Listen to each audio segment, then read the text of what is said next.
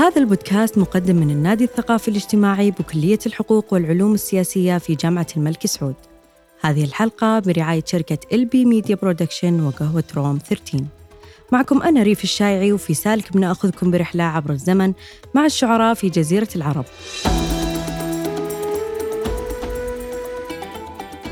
كعربي من أصول عربية تأصل فينا الرغبة في إتقان قافية موزونة أو تكوين بيت من شعر محبوك فلقد كان الشعر وسيلة قديمة عند العرب لطلب الحاجة أو وصف الحالة. وقد قيل أن الشعر مأخوذ من شعرت فإنك لن تشعر ما لم تشعر. بؤرة الشعر كانت في الزمن الجاهلي حيث كان علما عربيا يتميز من يتقنه وكان وسيلة تتقوى بها القبائل حيث تحارب وتدافع بها. أما عن نهضة الشعر فكانت بعد نزول القرآن الكريم المليء بمفردات الكلم وقوة البلاغة إلى وقتنا الحالي. ووصف فضل الشعر بأنه الحق والصدق والحكمة وفصل الخطاب وأنه مجنى ثمر العقول والألباب والذي قيد على الناس المعاني الشريفة وأفادهم الفوائد الجليلة. وترسل بين الماضي والغابر ينقل مكارم الأخلاق إلى الولد عن الوالد ويؤدي ودائع الشرف عن الغائب إلى الشاهد حتى ترى به آثار الماضين مخلدة في الباقين وعقول الأولين مردودة في الآخرين. وترى لكل من رام الأدب وابتغى الشرف وطلب محاسن القول والفعل منارا مرفوعا وعلما منصوبا وهديا مرشدا ومعلما مسددا.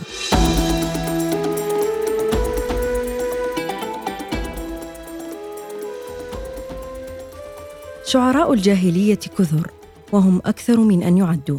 فقد اشتهر البعض منهم دون الآخر نظرا لتفرده أو لكثرة ما روي عنه. ولا يخفى على أحد بأن للشاعر في عصر الجاهلية مكان رفيع فيرتقي الإنسان فيهم ويعلو برقي شعره والفن في حبكه. فالشاعر فيهم ليس مجرد شاعر وإنما هو لسانهم الناطق وسلاحهم الذي يذودون به عن حياض شرفهم. ومن الشعراء الذين اشتهروا في هذا العصر امرؤ القيس الشاعر الذي لا يوجد عربي قط لا يعرف اسمه رأس الشعراء وعرابهم وأول من أجاد التشبيه والتنويع فيه والوقوف على الأطلال كما في مطلع معلقته قفا نبكي من ذكرى حبيب ومنزلي بسقط اللوى بين الدخول فحوملي وذلك يرجع إلى سعة خياله. وإن كان شعره قد طغت عليه البداوة من حيث جفاء وخشونة الألفاظ. تراه دقيق الوصف بديع المعنى جميل اللفظ. نشأ امرؤ القيس في أرض نجد حيث سلك مسلك أولاد الملوك المترفين من لهو ولعب وخمر وغزل ولم يعجب ذلك أباه فأقصاه عنه وطرده لما لم ينفع فيه القول. حتى جاءه نبأ قتل أبيه فقال مقولته الشهيرة ضيعني صغيرا وحملني دمه كبيرا. لا صحو اليوم ولا سكر غد. اليوم خمر وغدا أمر. فأخذ يستنجد بالقبائل للأخذ بثار أبيه فنازل قبيلة قاتل أبيه وقتل منهم كثيرا. توفي على أثر علة قروح ودفن في أنقرة وذلك قبل الهجرة. ومن أشهر المعلقات هي معلقته واختلف الرواة في عدد أبياتها. فمنهم من قال سبع وسبعون بيتا ومنهم من قال واحد وثمانون بيتا وآخرون قالوا اثنان وتسعون بيتا. نذكر من معلقته ابيات ذكرها في وصف الليل. وليل كموج البحر أرخى سدوله علي بأنواع الهموم ليبتلي. فقلت له لما تمط بصلبه وأردف أعجازا وناء بكلكلي. ألا أيها الليل الطويل ألانجلي بصبح وما الإصباح منك بأمثلي؟ ومن ثم نأتي إلى شعراء عصر صدر الإسلام. لم يخرج الشعراء في هذا العصر عما اعتاد عليه شعراء الجاهلية. وإن كان عرف عنهم تقريب المعنى إلى الأذهان. وكانوا ارق طباعا نظرا لدراسة كتاب الله وسنة رسوله. بما هذب نفوسهم وزادهم فصاحة وبلاغة وإحكاما وإتقانا. ومن أشهر شعراء هذا العصر الذين لم يظهر فيهم اللحن وخلصت عربيتهم واستقامت ألسنتهم هي الشاعرة التي عرفت بجمالها حتى قالوا أنها من أجمل نساء زمانها والتي رثت أخاها صخرا الشاعرة المخضرمة تماظر السلمية الملقبة بالخنساء لارتفاع أرنبتي أنفها حيث شهدت الجاهلية والإسلام فلما جاء الإسلام أسلمت. وكان النبي صلى الله عليه وسلم معجب بشعرها فكان يومئ بيده ويقول هيه يا خناس قتل أخوها معاوية. ثم صخر وحزنت عليهما. ولكن كان أشد حزنها على صخر فبكت وجزعت جزعا شديدا لأنه كان يقاسمها مع زوجها أمواله.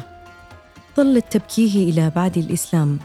حتى أصابها العمى وشهدت حرب القادسية التي قتل أبناؤها فيها وقالت الحمد لله الذي شرفني بقتلهم. لم تحزن عليهم كحزنها على أخويها. لم يكن هناك من النساء أشعر من الخنساء. حتى أن جرير قد سئل ذات مرة من أشعر الناس؟ قال أنا لولا الخنساء. قالوا فبما فضلتك؟ قال بقولها إن الزمان وما يفنى له عجب أبقى لنا ذنبا واستؤصل الرأس. إن الجديدين في طول اختلافهما لا يفسدان ولكن يفسد الناس. ومن رثائها لأخيها صخر قذا بعينك أم بالعين عوار. أم ذرفت إذ خلت من أهلها الدار. كأن عيني لذكراه إذا خطرت فيض يسيل على الخدين مدرار. تبكي لصخر هي العبرة وقد ولهت ودونه من جديد الترب أستار. تبكي خناس فما تنفك ما عمرت لها عليه رنين وهي مفتار. تبكي خناس على صخر وحق لها إذ رابها الدهر إن الدهر ضرار. وأيضا يذكرني طلوع الشمس صخرا وأذكره لكل غروب شمسي. ولولا كثرة الباكين حولي. على إخوانهم لقتلت نفسي.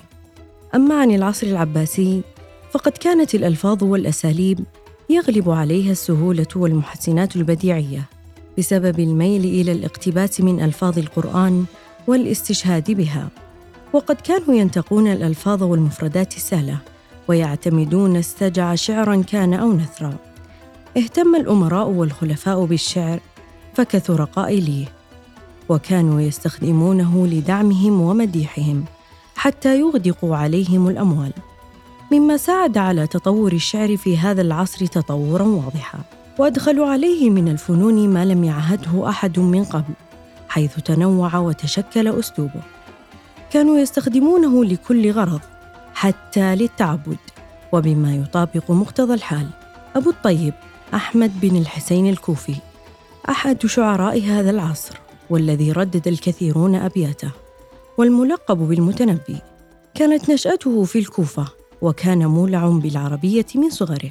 كان عظيم الشأن عند بني كلب فكان يأخذ عنهم اللغة ويعطيهم من شعره وأخذ يتكسب من الشعر إلى أن التحق بسيف الدولة الحمداني. أما عن شعره فلم يختلف أهل الشعر والأدب عامة عليه. وأنه لم يبلغ بعده في الشعر أحد. حتى أن أبو العلاء المعري الذي اشتهر بفرط الذكاء وبشدة تعمقه في المعاني والتصورات اعترف به وقدمه على نفسه. اختلف البعض في تغني المتنبي في شعره بنفسه. منهم من قال غرورا ومنهم من قال أنه يستحق أن يغتر بنفسه ويفخر بها.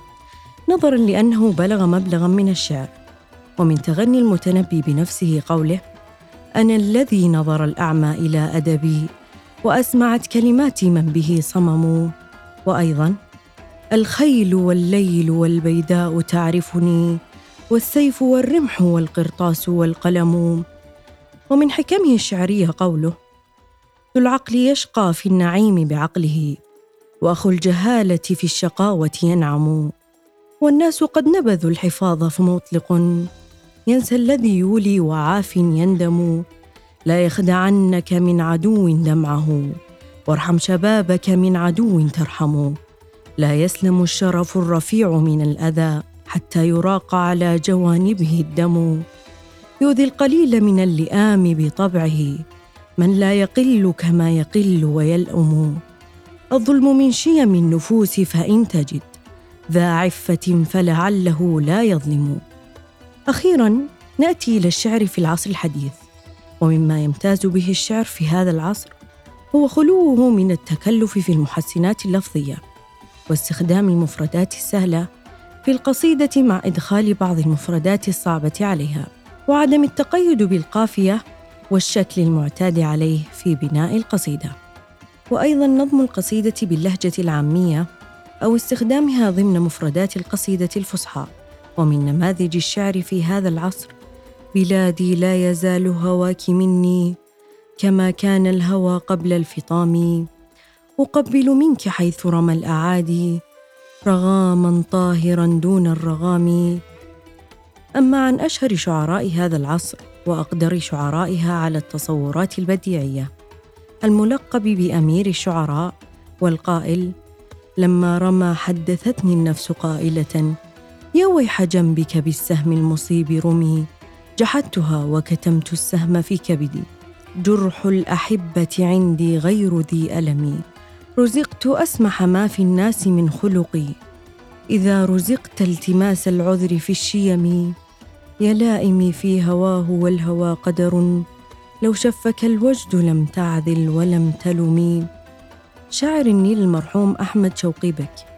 حيث قال عنه السيد أحمد الهاشمي أنك ترى في شعره ثبات المتنبي ونسج البحتري وصياغة أبو تمام ومفاجآت الشريف. أما عن أحمد شوقي وقصة المنفى فكان ميلاده الشعري الثاني فيها اطلع على الأدب ومظاهر الحضارة الإسلامية فيها فنظم الكثير من الشعر حنينا إلى وطنه وإشادة بالأندلس. نختم بذلك قوله يا ساكني مصر إنا لا نزال على عهد الوفا وإن غبنا مقيمين. هلا بعثتم لنا من ماء نهركم؟ شيئا نبل به أحشاء صادينا. كل المناهل بعد النيل آسنة ما أبعد النيل إلا عن أمانينا. الشاعرة ثريا العريض امرأة لقبت بزرقاء الظهران. وذلك لأنها كانت ترى من الحكمة في الأمور ما لا يراه غيرها. ولحق بهذا اللقب لقب آخر شاعرة المملكتين. امرأة لها شأن في بحور الثقافة والشعر والفكر والسياسة والمناصب الإدارية. دواوينها ترجمت للألمانية والبريطانية والإنجليزية والفرنسية. أشعارها تدرس لدى طلبة الدراسات العليا. هي لم تفصح عن كتاباتها إلا في وقت لاحق رغم أنها كانت تكتب في الشعر والأدب منذ الابتدائية. ولكن كانت هذه حكمة أبيها في التريث قائلا لأن المزيد من النضج يحمل العطاء الأفضل. وقد قالت ثريا عن نفسها في ديوان أين اتجاه الشجر الذي يتحدث عن العالم العربي أنا اليوم زرقاء عيني أمد خطاها وأرحل في صوتها وأجد لأبحث عن فرحة أرتديها وأعلم أني كزرقاء لا أرتجيها. يجف بحلق الندى وما من عزا. يطالبني الجمع أن أتغاضى وأنضم صامتة لصفوف الكفيفين أو أبتعد. أطفئ عيني أطفئ عيني وتبقين لاهثة في الضلوع مكممة للأبد. الشاعرة أشجان هندي. الشاعرة التي تنبأ أستاذها في الجامعة الدكتور منصور الحزامي بقدومها للساحة الشعرية السعودية. وأخبر الدكتور غازي القصيبي بذلك. وما إن مرت السنوات حتى شهد غازي القصيبي بأنها ليست شاعرة سعودية فحسب بل شاعرة العالم العربي. وذلك حين سئل من الشاعر أو الشاعرة التي خطفت إعجابه؟ نشأت في بيت الجدة وتعلمت منها بعضا من الشعر والأدب ولوحظ أثر ذلك في الصف الإبتدائي حينما كانت تكتب نصوصا مبدعة تدهش الكبار. أنتجت كثيرا من الدواوين الشعرية وترجمت بعض أشعارها إلى الإنجليزية والفرنسية وغيرها من اللغات. صنفت قصيدتها البحث عن الآخر من أفضل خمسين قصيدة حب قيلت خلال الخمسين سنة الماضية.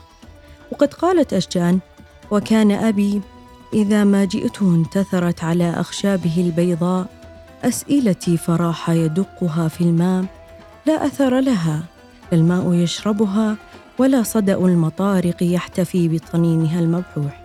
وقد قالت تناشد الماء الذي يروي ما تشعر به من جدب وجفاف يا أيها الماء جفت بقايا أمانينا وران على الخطوات الأفول. فيا أيها الماء كيف إليك الوصول؟ واللغة العربية ليست كأي لغة هي لغة القرآن والعرب والمسلمين. هي من أقدم اللغات الحية تساير جميع الظروف وتتكيف مع مختلف العصور على مر الزمان. هي لغة الحب والعروبة والفخر والاعتزاز والهوى والفصاحة والفن. وموطن القصائد الشعرية والكنوز الأدبية تنساب منها بحور الشعر.